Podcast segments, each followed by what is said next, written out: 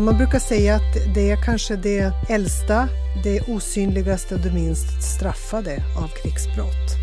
Det är ett tyst vapen. Det är så att säga ett billigt vapen.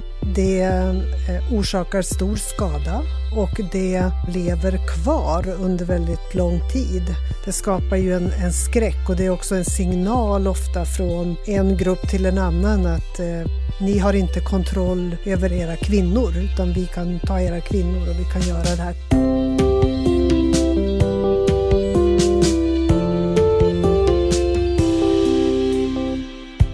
Krig skapar hjältar. Historiskt har det varit generaler och soldater som har hyllats för våld och strategier. Monument har man byggt till krigare. När Nobelpriset är som bäst så är det också ett monument, fast över andra, de riktiga hjältarna. De som bygger upp och håller vid liv när allt annat förstörs. Hjältar som skapar ordning och fred. En sån hjälte som har gett allt för att hjälpa andra är läkaren och fredspristagaren Dennis Mukwege som vid sitt sjukhus i Kongo behandlar offer för sexuellt våld. Du lyssnar på Nobelprismuseets podd Idéer som förändrar världen som idag handlar om Dennis Mukwege och sexuellt våld. Jag heter Gustav Källstrand. Och med mig för att prata om det här mörka och svåra ämnet har jag Margot Wallström. Välkommen! Tack så mycket! Du har träffat Mukwege, eller hur? Ja, det har jag gjort många gånger eh, och också hälsat på honom på, på Panzisjukhuset i, i Kongo. Och eh, han har, har blivit en, en vän, vill jag nog påstå. En person som jag högaktar verkligen. Hur är han som person? Han är en man kanske kan luras att tro att han inte är politisk, men han, mm. han är i högsta grad eh, intresserad av, av politik och vill påverka eh, politiken. Men han har flera roller. Han har sin läkarroll. Han är en, en religiös person, eh, också med stark eh, tro. Han är en, en fa familjeman och make och eh, han är en, en oerhört skicklig eh, kirurg som eh, eh, ju har hjälpt eh, tusentals eh, kvinnor framför allt mm. Ehm, som har drabbats av sexuellt våld. Margot Wallström är en av Sveriges mest erfarna utrikespolitiker. Förutom uppdraget som FNs särskilda sändebud kring konfliktrelaterat sexuellt våld har varit både EU-kommissionär och utrikesminister. Hon spelade en viktig roll för regeringen Löfvens inriktning på en feministisk utrikespolitik. Och hennes ställningstaganden för kvinnors rättigheter och yttrandefrihet har gjort henne både uppskattad och ifrågasatt. man får kämpa med och det, det medgav han ju också att han gör varje dag. Att, att kämpa med känslorna inför eh, den, den sorg och det lidande som, som sexuellt våld har skapat hos de här eh, kvinnorna och överlevarna. Och ofta har de barn med sig och, eh, och man ser ju att det, hoppet har, har liksom slocknat eh, i, i, ögonen hos många men eh, de gör allt de kan för att ge det tillbaka.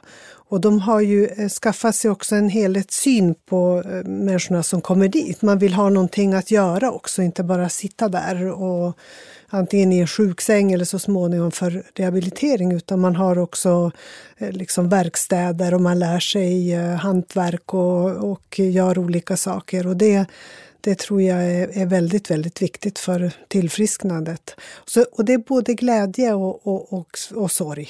Så att ena stunden så, så gråter man och, mm. och, nästa stund så är man med och dansar lite eh, med dem. Och det här är, det, det är en, en, del av deras eh, läkande också, tror jag.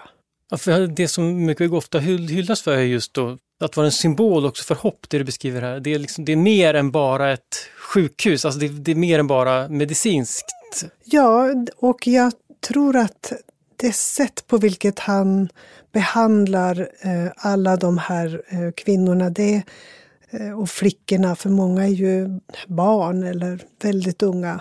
Det är med så stor respekt och, och kärlek. Man känner mm. att det finns en, en människokärlek i, på det här stället. Och det, det hjälper till när det är så hopplösa omständigheter oftast. Men han sa en gång, kommer jag ihåg, och det kanske var den första gången som, som vi träffades, så sa han att tänk ändå om jag kunde få använda så att säga, min läkargärning till att bota och hjälpa och inte behöva liksom åtgärda de skador som människor har, har orsakat en, en annan människa. Och mm. tänk så mycket vi skulle kunna förbättra liksom vårt land och livet för, för människorna här. Men istället så händer det ju att de kommer tillbaka. Det är samma kvinnor som än en gång har, har utsatts för övergrepp. Dennis Mukwege fick Nobels fredspris för sitt arbete med att behandla kvinnor som drabbats av sexuellt våld. Mukwege är uppvuxen och aktiv inom pingströrelsen och Panzisjukhuset är uppbyggt med stöd från den svenska pingströrelsen och Läkarmissionen. Mukweges band till Sverige är också starka på ett personligt plan. När han var nyfödd så drabbades han av en infektion och var nära att dö. Och när föräldrarna tog honom till ett katolskt sjukhus så nekade de honom vård eftersom han var son till en protestantisk pastor. Men den svenska missionären Majken Bergman övertalade sjukhuset att ta emot honom. Berättelsen om den här händelsen har präglat Mukwege. Det fick honom att känna ett ansvar för att man ska hjälpa andra om man har möjligheten. Så när han senare i livet har tvingats välja mellan ett bekvämt liv i Europa eller att med fara för sitt liv fortsätta arbeta i Kongo så är det den här plikten att hjälpa andra som har fått honom att ändå återvända. Att beskrivas som världens liksom, våldtäktscentrum, det, det är ju inte bra för, för ett, ett land och det skapar sådana enorma skador på en enskild individ. Men det påverkar också familjen, det påverkar byn, det påverkar så att säga, ekonomin och ett, ett helt lands framtid vill jag påstå. Så har det ju varit för Kongo. Och att det här måste man förstå, för många gånger är det kvinnor som också står för så mycket i, i hemmet. De tar hand om, om barnen och familjen, de eh, skördar, de bär saker till marknaden. Alltihop det där är ju vardagssysslorna som, som kvinnorna gör. Och mm, det är fantastiskt också att eh, i Vensler då byggde ju upp eh, City of Joy som ligger nära Panzisjukhuset just för att också visa att kvinnor kan ha en, en fristad, nästan som ett eget samhälle där de kan leva i, i fred och trygghet. Det här låter ju förstås viktigt och nästan som att det här borde ju alla tycka är bra, men, men som du sa, det han är politiskt. Hur kan det, varför är det här politiskt känsligt i Kongo med, med kamp mot sexuellt våld? Ja, därför att det här går ju rakt in i etablissemanget och makthavarnas eh, tillvaro. Och det, man ska veta att det är väldigt mycket pengar. Det är väldigt mycket konfliktmineraler och allt som hör ihop med krig och konflikt. Och mm. där är eh, styret i, i Kongo också inblandade. Och de tycker inte om när någon säger sanningen om vad det är som, som pågår. Eh, och pekar på en del av de här, det här maktmissbruket som, som äger rum. Så att eh, han har ju tyvärr också utsatts för mordförsök och, eh, och har varit med om förfärliga saker själv. Men här, han vågar ändå tala, för visst var det så att han också stoppats från att tala i FN av sin egen regering? Ja, det är ju upprepade gånger som, som också FN har uppmanats att, eh, att skydda honom och och hjälpa honom, se till att han kan, kan få överleva och fortsätta med sin, sin läkargärning också och med, med Panzisjukhusets verksamhet. Men det har verkligen varit en, en farlig väg han har valt eh, när han eh, speak truth to, mm. to power. Det är, det är inte alltid populärt. Nej, men, men han är ändå, ändå, eh, om man tänker sig en läkare på ett förhållandevis litet sjukhus i ett land där då makthavare vill tysta honom. Hur har han lyckats att ändå bli en röst som hörs över hela världen? Det är ju rätt ja, fantastiskt. Han, han, har mobiliserat eh, ett fantastiskt stöd. Mm. Och eh, det gör ju att han är känd, att han är omskriven, att han så småningom också fick eh, fredspriset. Eh, och det ger honom ett slags skydd också. Det skulle förstås tas emot runt hela världen med, med eh, fasa och, och, protester också om man, om man skulle våga ge sig på honom. Så att eh, han lever lite i skydd av att han är så välkänd och respekterad. Minns du när du hörde talas om hans arbete första gången? Ja, allra första gången då handlade det nog om just några som hade varit i Kongo några riksdagsledamöter som hade besökt eh, Panzi och jag tror andra sjukhus också i Kongo och berättade Eh, just om, om offren och, och också om Mukwege. Så att eh, eh, det, det, går ett antal år tillbaka och sen så blev ju det här naturligt. Liksom Kongo blev det land som jag åkte till flest gånger när jag var eh, särskilt ombud eller särskild representant för generalsekreteraren med de här frågorna. Mukwege inledde sin Nobelföreläsning med att berätta att han kom från ett av världens rikaste länder som har en av världens fattigaste befolkningar. Kongos enorma naturtillgångar, särskilt mineraler som guld, kobolt och uran, har gjort att landet har exploaterats i över hundra år. Från de fruktansvärda övergreppen under den belgiska kolonialtiden till dagens till synes eviga inbördeskrig. Det sexuella våldet är en aktiv del i de olika krigsherrarnas taktik för att ta kontroll över områden med mineraltillgångar. Där det finns metall som behövs i till exempel mobiltelefoner finns det också mer och grövre sexuellt våld. Mukwege menar, och han får medhåll från många experter, att regeringen är medskyldig till övergreppen eftersom man inte förmår stoppa de militära grupper som strider om naturtillgångarna utan istället stöttar de grupper som ger en del av vinsten till regeringen. På så sätt underblåser snarare än stoppar regeringen kriget. Ja, jag, jag har upprepat under många år nu att det finns tre missförstånd eh, eller myter som har bildats kring konfliktrelaterat sexuellt våld. Det första är att det skulle vara oundvikligt mm. därför att eh, det finns eh, berättat om detta till och med i Bibeln och i varje krig och konflikt så, så har det här förekommit sedan historiens början. Och därför så tror man att ja, men så det här hör till. Det är liksom någonting som vi får acceptera eller dras med. Um, eller the spoils mm. of, of war som man har kallat det. Eh, och det andra är att eh, det skulle ha någonting med, med sexualitet att göra och därför så blir det tabu. Och då måste man förstå att det är, det är maktutövning som tar sig ett sexuellt uttryck. Det är inte tvärtom, alltså att det är en sexuell drift som tar sig ett våldsamt uttryck. Och det tredje är ju att man har betraktat det här som ett mindre allvarligt brott. Och att det då till och med har använts i, i försvar, i rättegångar, så har den som har stått anklagad sagt ja men jag kunde ju ha dödat henne. Och då med det antyder man ju att det här är ett, ett inte så allvarligt brott. Mm. Men nu klassas det sedan några år eller decennier kanske tillbaka som krigsförbrytelse. Ja, ja så är det. Och ehm, eh, det kan ju också betraktas som ett brott mot mänskligheten. Och, och det definieras. Så att säga. Och det, det kom efter krigen på, på Balkan och, eh, eh, så, så, och efter Rwanda därför att där var det så tydliga inslag och, eh, och, och företeelser i, i krigföringen. Mm. Men, men det här, just att det används som vapen, som ser det liksom inte det är ett makt, en maktutövning, men att det är ett vapen, varför, varför är det så effektivt som, som vapen? Ja, därför att det är ett tyst vapen. Det är så att säga ett, ett billigt vapen.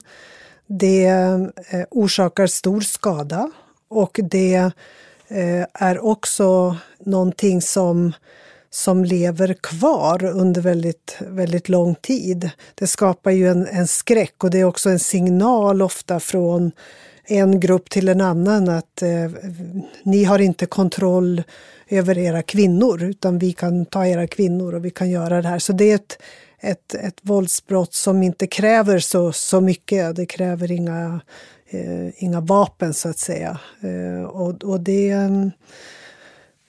Ja, tyvärr så är det ju fortfarande någonting vi ser eh, spelas upp inför våra ögon också nu i, med Rysslands krig i Ukraina. Så är det här nu rapporterat eh, från, från fält och det är riktigt illa.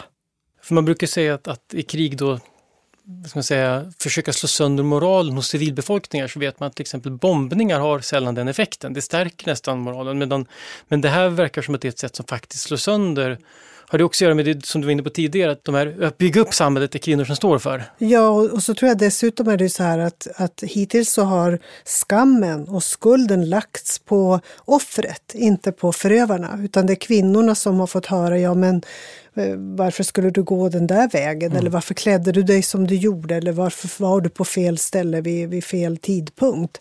Så att, eh, och ofta så har det ju inte rapporterats därför att det här har mötts med nästan total strafffrihet också över tid. Och då vill man inte gå och berätta om det här för någon, därför det känns också som, det är ju någonting som är ett, ett övergrepp på en person som som det går så djupt in i en människa att, eh, att berätta om någonting sånt här. Så att det är ett, det är ett eh, allvarligt övergrepp och det vill man inte kanske berätta för någon om man inte tror att rättvisa kan skipas. Det där skriver också Mukwege om i sin bok på, tycker jag, på ett ganska intressant sätt om hur han som man ibland blir ifrågasatt då när, att han står upp för kvinnors rättigheter. Men att också när han börjar vittna om det här så upplever han precis det där som han ser hur kvinnor utsätts för. Att han blir inte trodd, man, det är inte så allvarligt, det finns som du ser, det finns allvarligare brott och det är inte konstruktivt att prata om. Så att han bemöts med det där. Men han har ju då valt förstås att fortsätta och ännu mer uppmana andra att, att vittna. För jag antar att det vittnesmål är väldigt viktigt. Att det måste, det som krävs att folk berättar. Ja, det är otroligt viktigt och, och det är därför som det måste finnas både en övervakning, där till exempel då i FN-sammanhang. Det måste finnas ett system för att rapportera detta och det måste finnas en uppföljning och det måste ju förstås finnas hjälp till eh, överlevarna eller till offren så att man också kan få medicinsk och, och, annan hjälp omedelbart. Och så måste det finnas ett rättssystem då som, som tar itu med, med det här. Eh, så att ehm, jag, jag förstår vad jag menar. Det var någon som sa till mig en gång att de som kommer närmast att förstå vad det här gör mot en människa, det har varit interner i fängelser som själva har blivit, alltså män som mm, själva har blivit våldtagna och utsatta för, för detta. Och då, då, då får de liksom en inblick i vad, vad det är för slags eh, eh, övergrepp det handlar om och hur det påverkar en människa fysiskt och själsligt. Ja, för påverkan är väl, det stod du inne på en av myterna, att det är ett, ett milt brott, men det är, dels är det fruktansvärt våldsamma saker, inte minst de här väldigt grova sakerna som händer i Kongo, men överlag så är det någonting som verkligen skadar människors tilltro till hela samhället och till andra människor och till sig själva på ett väldigt grundläggande sätt förstår man. Ja, mer än 20 år efter eh, Daytonavtalet eh, i Bosnien-Hercegovina och när jag träffade överlevare av sexuellt våld där så darrade de i hela kroppen när de skulle berätta vad de hade varit med om. Mm. Och de menade att det här också hade förts vidare, den liksom rädslan och skräcken för det här hade förts vidare också till deras döttrar och deras, deras barn. Och att eh, de de tyckte att de, borde, de var också krigsinvalider egentligen, men de hade ingenting att visa så att det var nästan så att de sa att man önskar att man hade haft en synlig skada eller den som har förlorat en, en arm eller fått något sånt betraktas som invalid och får en, en ersättning för det. Men vi har ingenting. Vi bär fortfarande på en skuld och skam. Men de som, då, då som du träffade då som valde att ändå prata och vittna, varför valde de att göra det? Jag tror att man känner att man till slut får nog och att man förstår att det här är så illa för hela samhället. Och något av det som har gjort starkast intryck på mig, det var faktiskt en gång när, också i, i Kongo, när eh, det var en pappa och hans dotter och då var det pappan som hade tagit dottern dit och då var det så att hon hon hade råkat ut för det, hade liksom kidnappats och, och förts bort och funnits i något hus där hon hade utsatts för, hemska övergrepp. Och hon var liksom familjens och byns stolthet. Hon var den första som skulle gå vid, läsa vidare. Hon var duktigast i skolan. Hon, hon hade liksom hela framtiden för sig. Och då kände också pappan att det här är ju helt det här förstör hennes liv, men det, förstörs också, det förstör också våra liv och det förstör ju landets liv om det är så här vi ska behandla flickorna. Det är det här de kan råka ut för. Och att det var så många som, som det här hände. Eh, så att eh, jag tror att, att det kommer ändå till en viss gräns där man förstår att det, det orsakar sån enorm eh, skada. Och där är väl också då den här dubbla plågan av att dels vara utsatt för övergreppet men att efteråt också att skambelagt. Det måste ju vara, mm. För annars skulle du inte behöva ödelägga ett liv annat än den egna traumatiska upplevelsen men att det också faktiskt skadar hela möjligheten att gå vidare. Ja, men framförallt att man aldrig tar fast eh, någon som är mm. skyldig och eh, att förövarna får gå fria. Så att det är ju det här också att det känns som att det är aldrig rättvisa för, för mig. Det är aldrig rättvisa för, för kvinnorna och flickorna. Utan det här brottet, det ska man tycka är, det ska man negligera eller ignorera också i, i fredsavtal. Det är ju först på senare år som, som detta överhuvudtaget nämns och följs upp i mm. fredsavtal och förhandlingar. Under så många år mm. så har det ju det handlat om att det här ska man bara glömma och mm. gå vidare. Och det är därför som det inte heller har tagits upp i, i eh, fredsförhandlingar och, och, avtal och så, utan, utan här tycker man att det här kan vi bara glömma och så fortsätter vi till nästa ärende. Och, och det är en del av detta att man måste bekämpa straffrihet. Mm. När man talar om sexuellt våld som vapen så beskriver det att övergreppen inte bara sker utan också att de används systematiskt för att terrorisera och försvaga civilsamhället.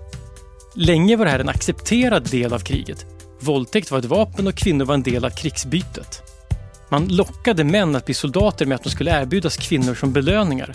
Så gjorde till exempel IS med yazidiska kvinnor och det förekommer fortfarande i Mukweges Kongo. Första gången en person dömdes för våldtäkt som en del av krigsbrott var 1998 när det fanns med som en åtalspunkt mot ledare för folkmordet i Rwanda. Eftersom domstolen menade att det sexuella våldet hade varit en del av folkmordet så kunde det då lagföras som krigsbrott. Det var nämligen först tio år senare, 2008, som FNs säkerhetsråd antog en resolution som sa att sexuellt våld i sig kunde klassas som en krigsförbrytelse och brott mot mänskligheten.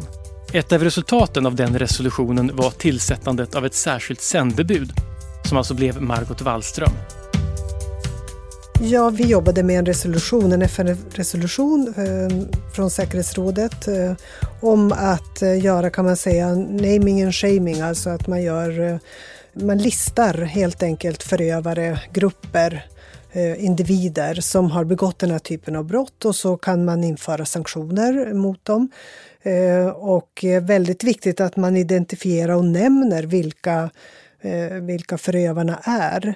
Och sen så måste man ha en mycket effektivare övervakning och, eh, och rapportering också från, från fält. Så att eh, det behöver finnas eh, sådana här genderrådgivare och så i, i de olika till exempel fredsbevarande insatser som man gör. Men man behöver också prata med regeringar, se till att de följer upp och att det finns rättsprocesser som, som tar upp de här fallen. Och det har man ju faktiskt börjat med också i, i Kongo efter mm. hård press från det internationella internationella samfundet.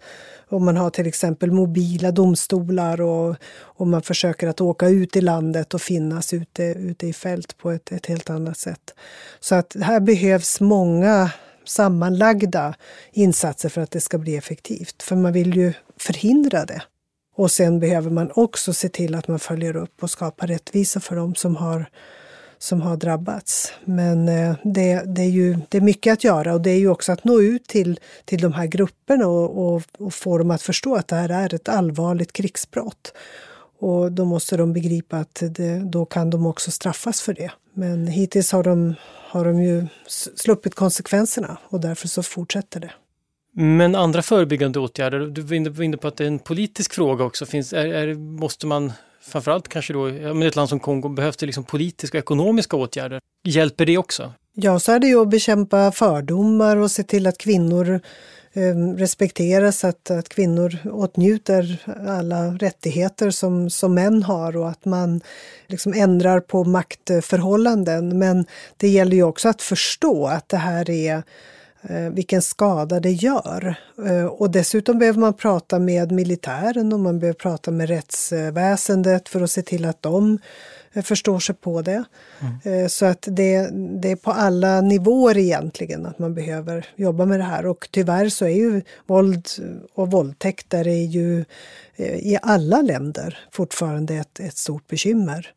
Eh, men här är det ju så att säga avgränsat till det man då kallar konfliktrelaterat sexuellt våld. Det vill säga att det accepteras eller att man blundar för det som en del i, i krigföring helt enkelt.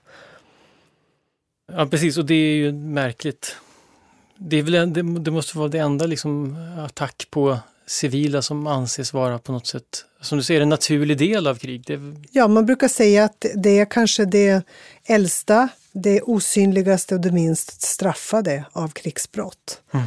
Och, och det, det verkar stämma, att det här är som sagt omnämnt i, i skrönor och, och um, uppteckningar från olika krigsförhållanden och, och situationer runt om i världen. I Mukweges bok så skriver han, eh, apropå det du är inne på nu med, med, med förövarna, att man kan inte se dem som eh, bara, det ger ingenting att titta på dem bara som onda eller sjuka på olika sätt, även om de förstås kan vara båda två. Men man måste se det mer systematiskt och då pekar han på just att det här är en, en konsekvens, eh, han skriver så här att det är en konsekvens av respektlösheten för kvinnors liv i allmänhet. Mm. Det, är väl, det måste väl ändå, eller det är väl en feministisk analys av problemet ja. och, och, det som jag antar att eh, det vi är inne på som du delar. Jag håller med om det och jag, och jag tror också att vi tittade faktiskt till och med på militära doktriner. Och jag, jag har sagt någon gång att jag tycker att det här skulle betraktas som lika allvarligt som att desertera. Men nu är det ju så att att desertera i många mm. länder leder till dödsstraff och jag är inte för, jag är emot dödsstraff. Så att, men, men att det ska vara lika klandervärt som mm. uh, att desertera, menar jag. Och då ingår det ju också i en liksom kommandoordning och, och då blir det ett ansvar också på dem som, som är befälhavare eller som styr. Men idag så är det ju sällan att krig och konflikter utspelas mellan eh, två välordnade liksom, arméer. Eller, det. utan det, det är i själva verket eh, grupper som, som är mer eller mindre oorganiserade och har väldigt lite respekt för, för internationella lagar och regler och konventioner. En annan sak som talar för just att den här eh, så feministiska analysen är viktig. Det är väl också kanske en viktig sak att, att nämna. Det här med att man ibland förklarar då det här händer i Kongo, då är det någonting speciellt med den kongolesiska kulturen som gör att det är så här. nästa gång så är det IS och då är det just islamistisk kultur. Men, det, men det här förekommer i alla kulturer. I alla kulturer. Den gemensamma nämnaren är ja. män och krig. Det här, det, det här har även tyska soldater eller uh, ryska soldater eller mm. överallt så, så har det här dessvärre förekommit. Så att uh, det går inte att skylla på. Det, jag brukar säga att det är inte kulturellt, det är kriminellt. Och, mm. och det är så man måste förstå det. Ja, precis. Och det var strukturellt så tillvida då att det, just, det är någonting med män att göra uppenbarligen. Som, ja. som begår de flesta övergreppen. Även, till, även när män drabbas så är det män som begår övergreppen även, i regel. Ja, det. Och, och, det för mig in lite grann, för det, här, för det för mig in på det med feministisk utrikespolitik. Eh, för jag antar att det eh, hänger ihop. Att, att det, det här arbetet är liksom en del av av mm. en större, större behov av feminism i en feministisk analys av, av relationer. Det eh. stämmer.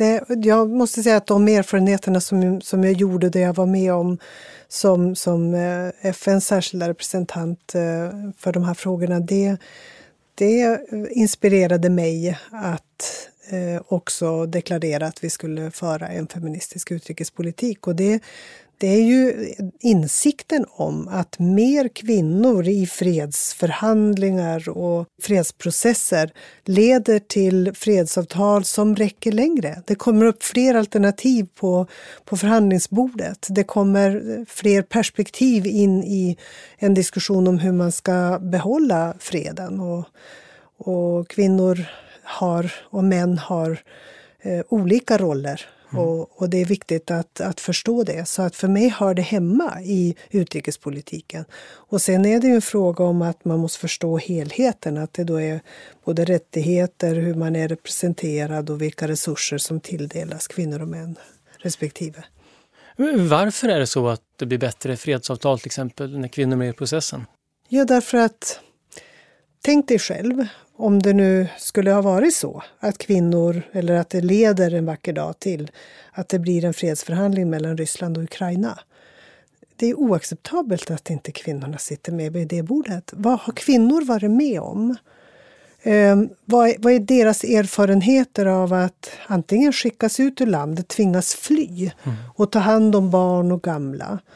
Eh, vad innebär det att, att så många av dem har utsatts just för sexuellt våld? Vad är deras erfarenheter och hur tänker de om hur man ska skapa fred? Vad är deras idéer? Det här är ju att säga att vi bryr oss inte om hälften av befolkningen i vårt land, vad de tycker.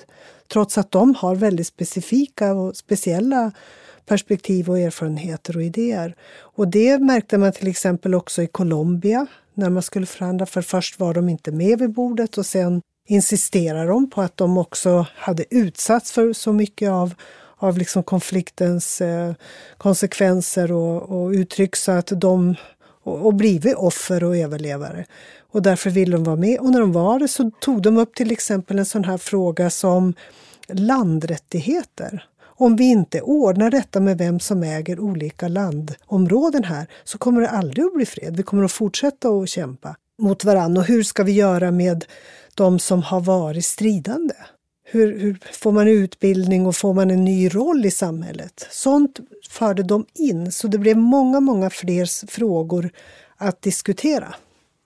För det där gäller väl eh, även då man, man, det gäller väl också på en feministisk inrikespolitik, men för det vet man väl att åtgärder som riktas, alltså samhälleliga åtgärder som riktas mot kvinnor ofta gynnar hela samhällen. Det är inte eh, ändå just de som är eftersatta.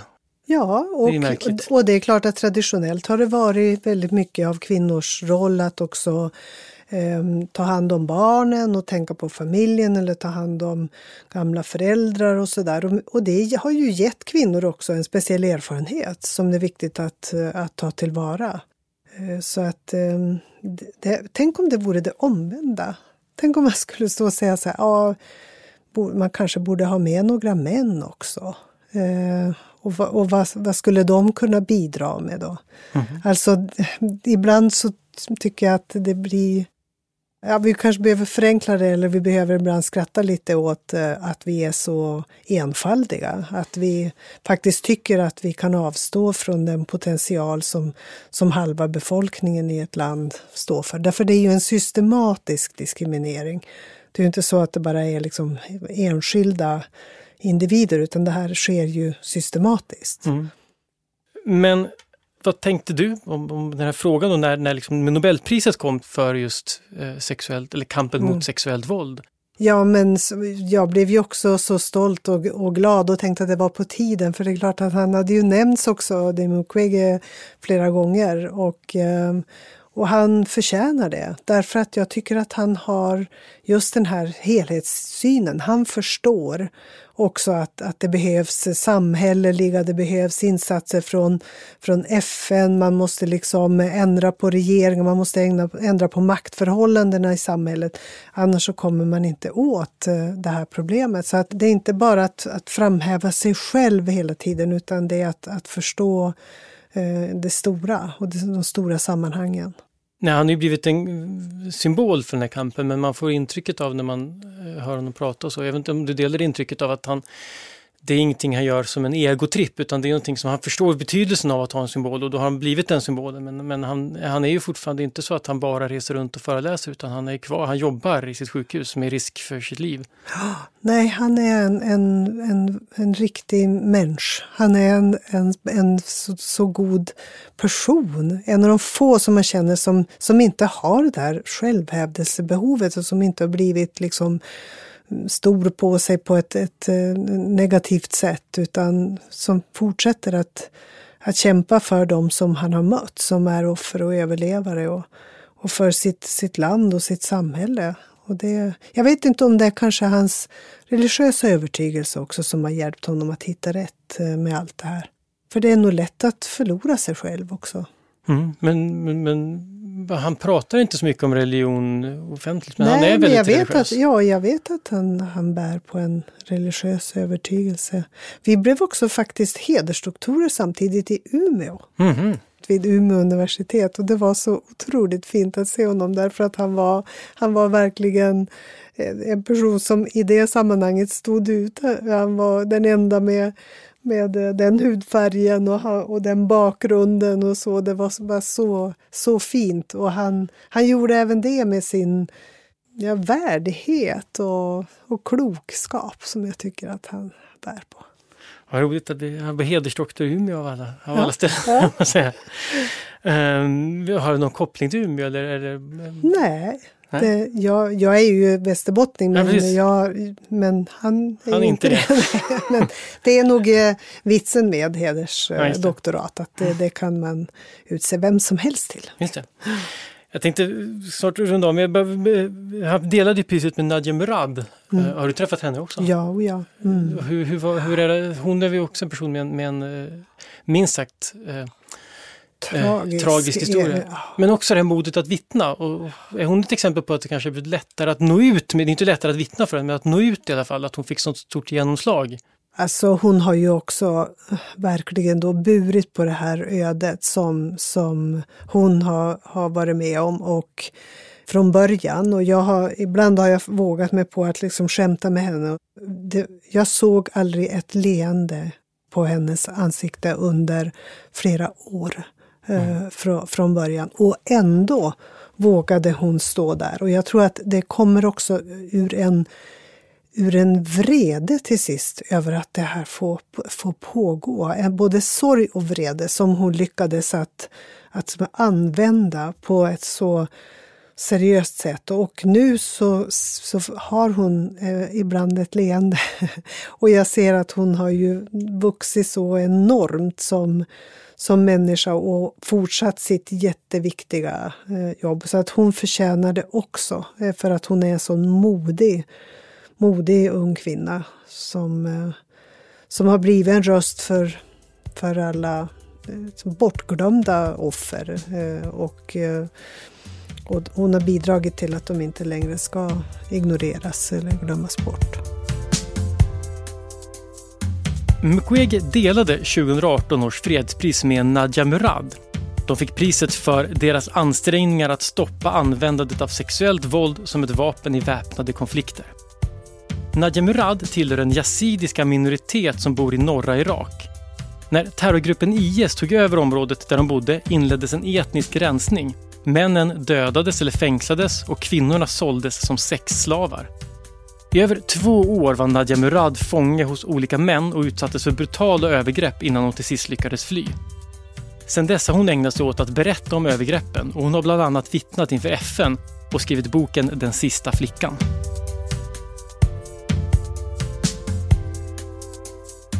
tänker det där är väl också ett, ett av kanske Nobelpriset när det är som bäst, att det kan just lyfta fram och, och kanske ge en plattform och förstärka en del saker. Vad, vad tänker du generellt om Nobelpriset på det sättet? Är det jo, det som är det, de bästa priserna? Ja, men alltså det är ju respekterat runt om i, i världen och det finns en organisation för, för de som har fått eh, fredspriset till exempel och de är, är verkligen eftertraktade talare och, och eh, medverkande och de har en, en röst eh, i, i världen. Så att eh, jag tror inte att det, det har inte fallit någon skugga över, över de här pristagarna.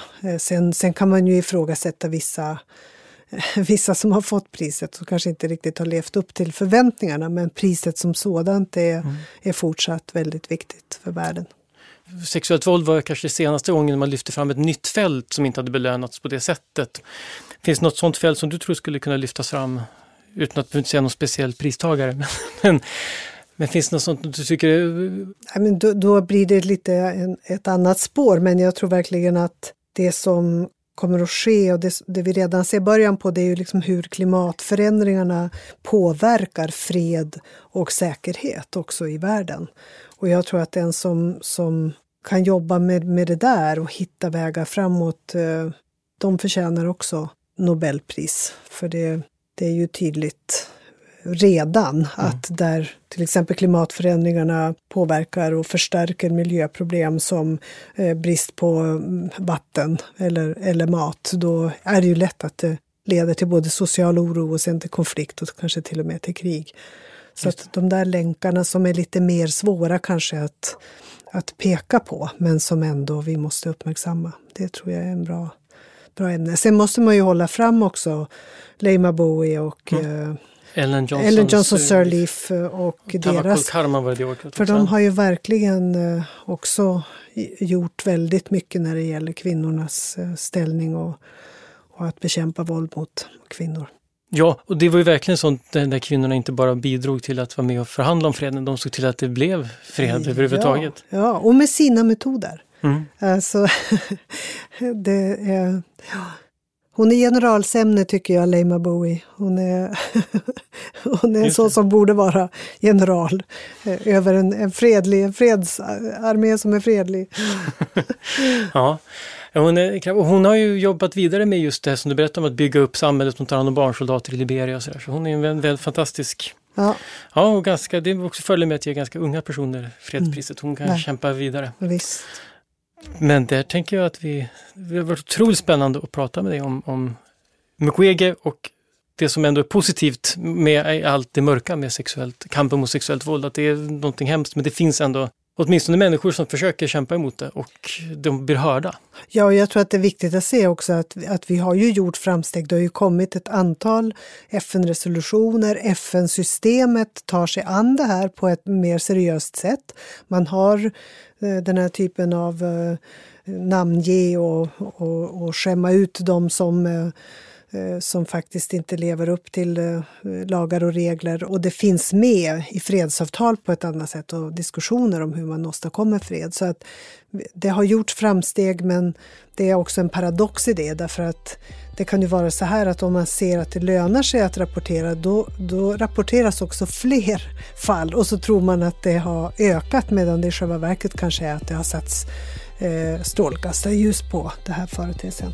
Eh, med strålkastarljus och det här bryta tystnad det är viktigt att prata om, prata om det för att bryta tabun är viktigt och då har vi i alla fall gjort ett litet arbete för det idag genom att prata med dig. Tack så jättemycket för att du kom hit Marlene. Tack själv. Idéer som förändrar världen är slut för den här gången. Den här podden görs av Nobelprismuseet.